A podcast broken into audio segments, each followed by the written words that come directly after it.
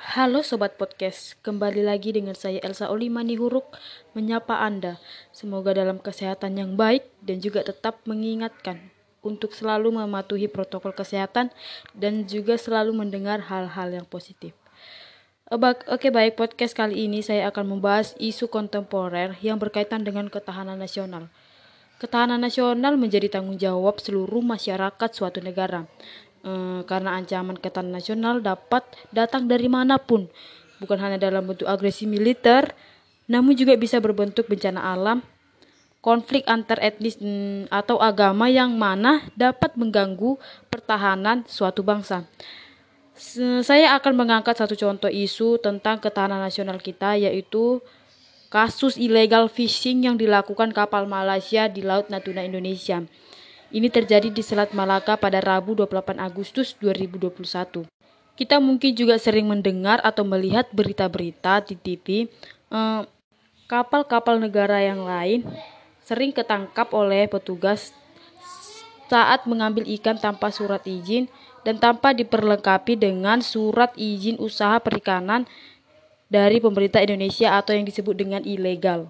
Berdasarkan informasi yang saya dapat sepanjang tahun 2021, KKP Kementerian Kelautan dan Perikanan telah menangani 95 kasus tindak pidana perikanan dengan rincian 31 eh, kasus dalam tahap penyidikan, 18 kasus dalam tahap pertama, 10 kasus dalam tahap kedua, 9 kasus dalam proses persidangan dan 27 kasus telah memperoleh keputusan berkekuatan hukum tetap. Wah, ini berarti menandakan kasus illegal fishing yang dilakukan negara asing sering terjadi. Ini juga berarti menandakan bahwa masalah besar ketahanan nasional yang serius di wilayah Natuna Indonesia. Seperti yang kita tahu, hasil laut Indonesia melimpah seperti ikan, terumbu karang, tambang pasir, mutiara dan lainnya. Wilayah ter teritorial yang negara kita punya juga sangat luas, sehingga diperlukan dan diharapkan pelaksanaan patroli oleh kapal KKP Kementerian Kelautan dan Perikanan dapat harus dilakukan secara konsisten dan selalu berkoordinasi dengan DKP setiap wilayah.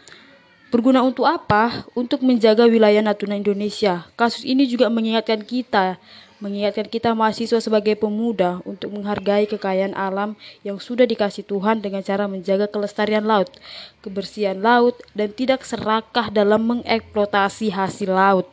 Kita berharap ke depannya tidak ada lagi atau bisa kita tangani kapal-kapal yang mencuri ikan di Laut Natuna Indonesia dan bisa kita kasih sanksi yang sesuai dengan undang-undang sehingga kita bisa me mengelola hasil ikan kita sendiri, mengelola hasil laut kita sendiri dan menjaga wilayah Natuna Indonesia. Demikian podcast kali saya kali ini semoga bermanfaat bagi sobat. Terima kasih telah mendengar podcast saya.